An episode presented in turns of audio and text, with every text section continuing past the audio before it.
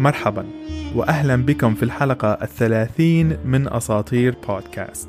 أنا عادل وأسطورتنا اليوم قادمة من الصين. أساطير الوجود الصينية فيها كل طرق الوجود التي تحدثنا عنها في الحلقات التسعة الأولى من هذا الموسم المعني بأساطير الوجود. فيها الخلق من العدم كما في الأساطير الإغريقية، وفيها الخلق من جسد الآلهة الأولى كما في أنوما إليش أسطورة الوجود العراقية. وفيها الآلهة الأشقاء كما في أسطورة الوجود اليابانية مع إيزاناغي وإيزانامي. وفيها الكونيات الثنائية كما في الأساطير المصرية عندما تحدثنا عن معات وإسفت. ولكن المميز في الأساطير الصينية هو العنصر الأول للوجود. كنت قد ذكرت في الأساطير الوجود المصرية والهندية والعراقية واليابانية والمكسيكية أن العنصر الأول هو الماء ولكن في الأساطير الصينية العنصر الأول هو التشي تقول البروفيسورة آن بايرل بروفيسورة الأدب الصيني في جامعة كامبريدج يعتقد أن التشي هو تجسيد الطاقة الكونية التي تحكم المادة والزمان والمكان. على حسب الأساطير الصينية تتغير التشي عند الخلق حيث يتحول البخار إلى عناصر مزدوجة من الذكور والإناث الين واليانغ أشياء صلبة وأشياء ناعمة. قبل بحثي عن معلومات لهذه الحلقة فهمي للتشي كان مختصرا على المبادئ التي كنت قد قرأت عنها في مجال الفوانغ شوي. وكنت أظن أنها طاقة الحظ ولكن الآن فهمي لها مختلف فأظن أنها الطاقة الكونية المعنية في كل شيء من الحظ إلى صحة الإنسان.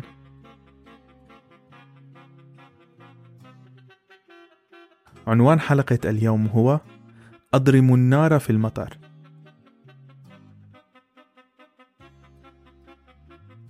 تقول الأسطورة الكونفوشيوية أنه في البداية وجد العدم الخالص ولم يكن به شيء. كان كل شيء ساكن. لسبب ما قرر الفراغ أن يعمل جاهدا لبدء الحياة. فعمل بجهد لمدة ثمانية عشر آلاف عام حتى أنتج بيضة. خرجت البيضة من العدم وكان بداخلها التوازن الكوني مبادئ الين واليانغ. مع مخلوق آخر يدعى بانغو الإله القديم الأول.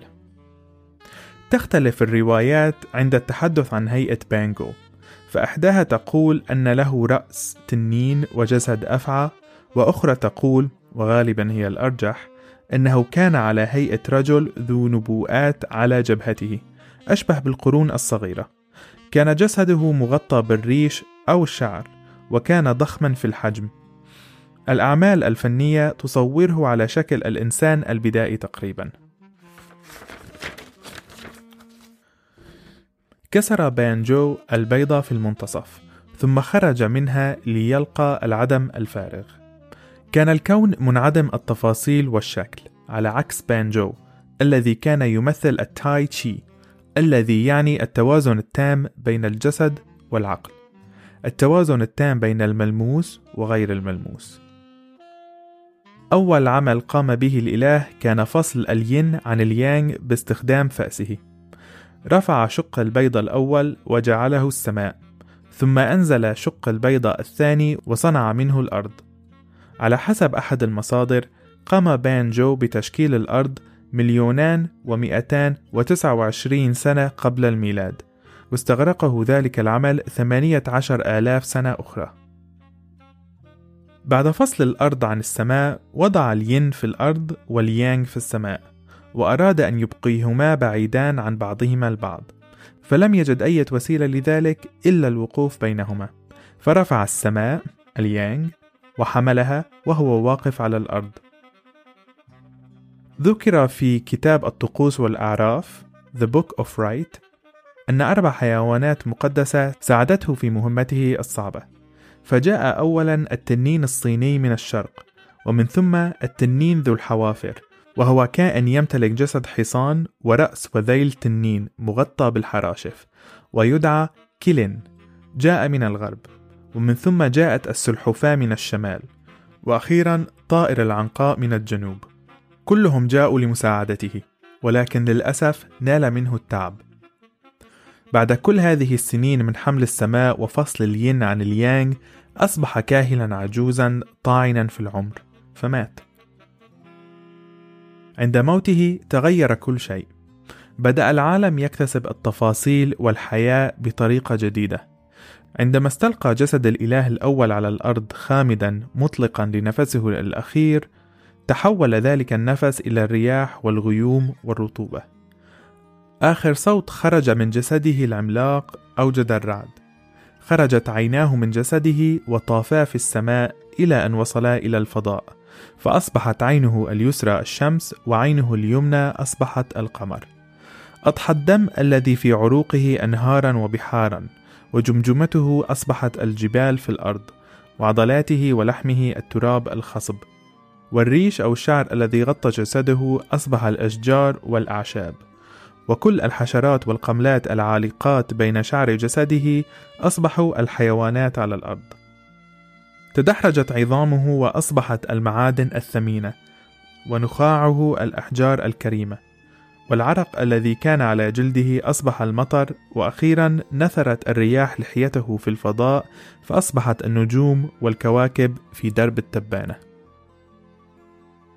في رواية أخرى تحول القمل الذي سكن شعره إلى البشر ولكن الرواية الأكثر شيوعا عن أصل البشر تقول لم تكن معالم الأرض وتفاصيلها الشيء الوحيد الذي خرج من جسد الإله فخرج من جثة العملاق عدد لا بأس به من المخلوقات المباركة صاحبة القوى. إحدى هذه الآلهة كانت نوا أو نواكواشي. وكان لها رأس امرأة وجسد ثعبان وكانت تستطيع أن تغير من شكلها سبعين مرة في اليوم الواحد. كان لنوا أخ أو شريك وكان يدعى فوشي. شعرت نواه أن الكون فارغ وهادئ بطريقة لا تطاق. في فترة إحباطها ذهبت وجلست بجانب إحدى البحيرات. استلقت على الأرض وبدأت بتخيل الحياة وهي مليئة بالبشر. يلعبون ويمرحون ويصدرون الأصوات لملء هذا الصمت. تخيلت نفسها وهي ترعاهم وتعتني بهم وتسهل عليهم حياتهم.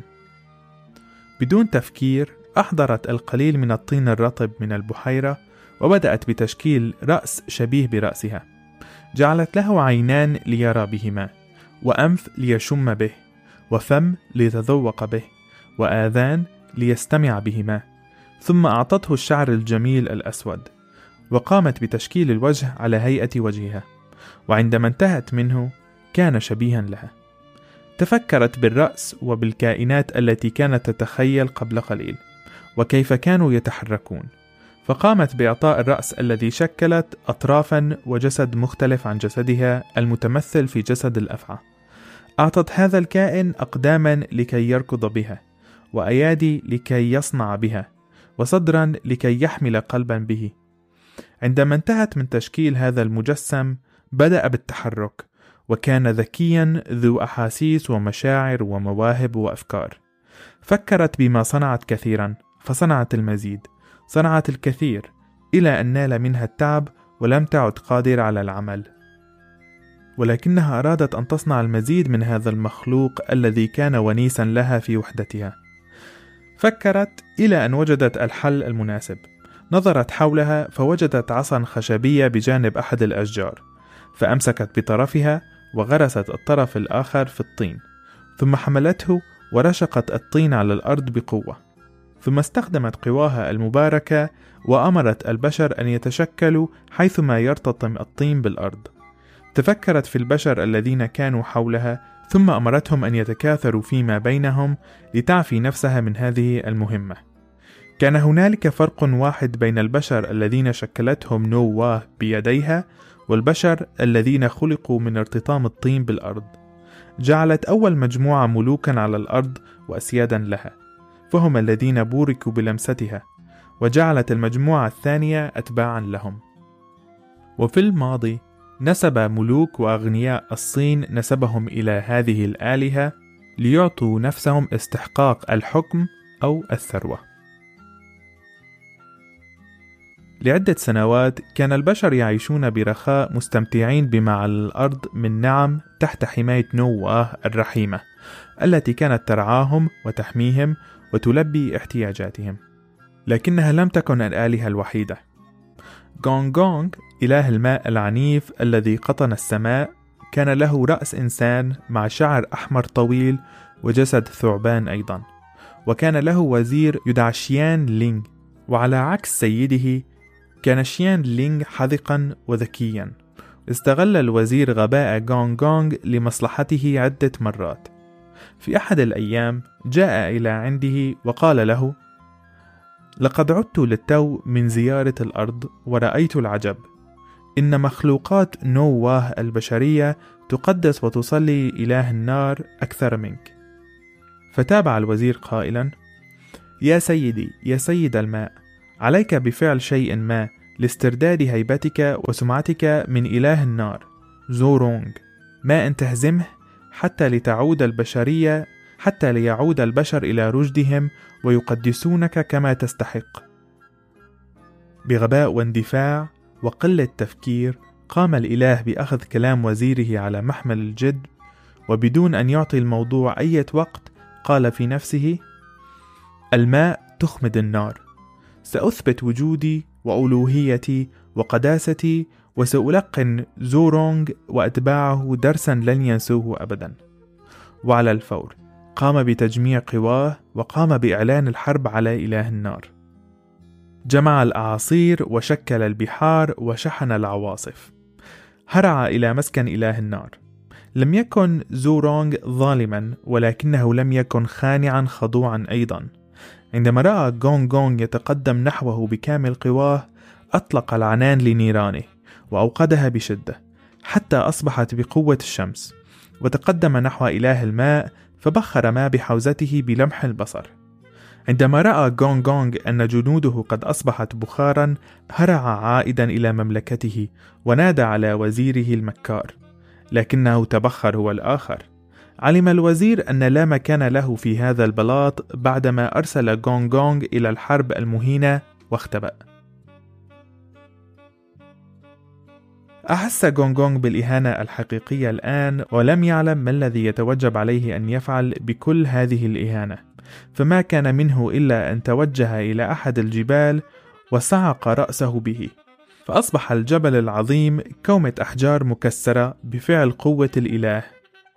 كان هذا الجبل يدعى جبل بوزهو وكان أحد أعمدة السماء التي أقامتها الآلهة بعد موت بانجو.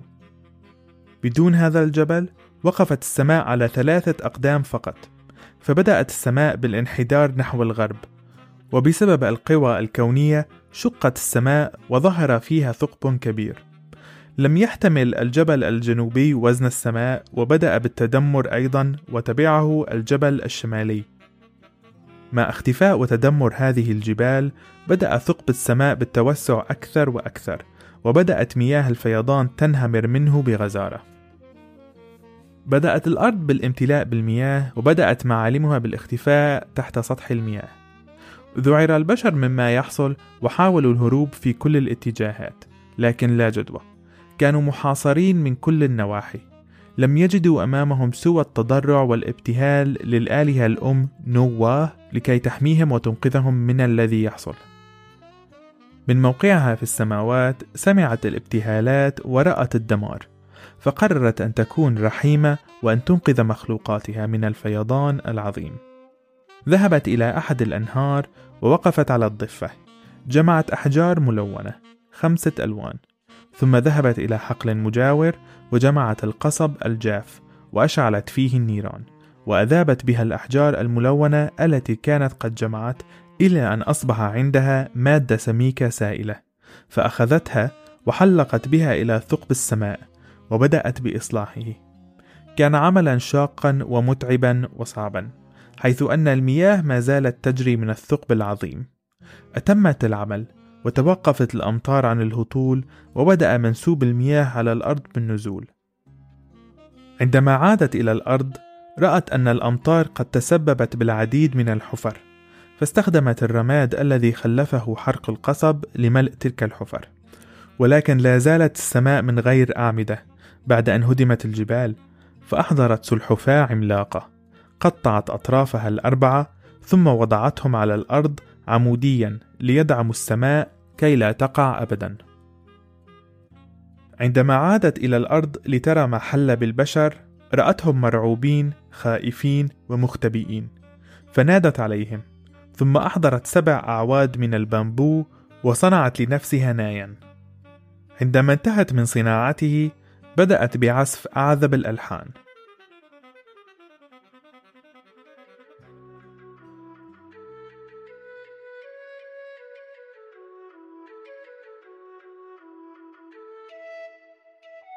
لم تتوقف حتى عاد البشر إلى طبيعتهم وهدأوا وعادت الحياة جميلة كما كانت. لكن الأرض ذاتها لم تعد كما كانت. فالسماء بقيت مائلة نحو الغرب والأرض نحو الشرق وكل الأنهار أصبحت تجري نحو الشرق. بعد أن انتهى كل شيء لاحظت نواه أن إصلاح السماء والأرض أخذ منها كل قواها. ولم يعد عندها القدرة على المتابعة. فاستسلمت وسلمت نفسها للكون وماتت مضحية بنفسها من أجل أبنائها البشريين. بعد أن ماتت تحول جسدها إلى ألف حورية وجنية وملاك وكانت مهمتهم الوحيدة هي حماية ورعاية البشر. إلى هنا انتهت الأسطورة. هل لاحظتم كمية الأحداث المشابهة للأسطورة السابقة أسطورة نيجيريا؟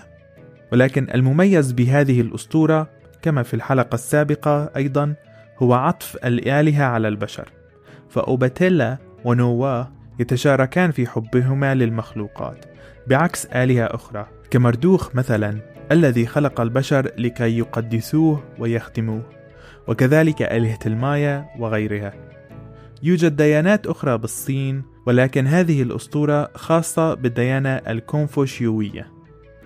صور الآلهة فيها فعلا جميلة ومختلفة سأنشرها على إنستغرام قريبا. إذا كنتم تتابعون البودكاست على إنستغرام قد تلاحظون أني لم أعد أنشر المعلومات والصور كسابق عهدي وذلك لضيق الوقت. وبما أن كأس العالم يحدث الآن في قطر لا أملك الوقت الكافي لأقوم بكل شيء. وعلى ذلك لن أستطيع أن أنشر حلقة في الأسبوع القادم. سأعتبرها إجازة بسيطة لي.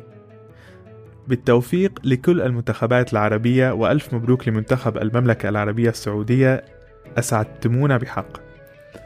أتمنى أن تكون حلقة اليوم قد نالت إعجابكم. لا تنسوا مشاركة البودكاست مع أهاليكم وأصدقائكم المهتمين بالأساطير.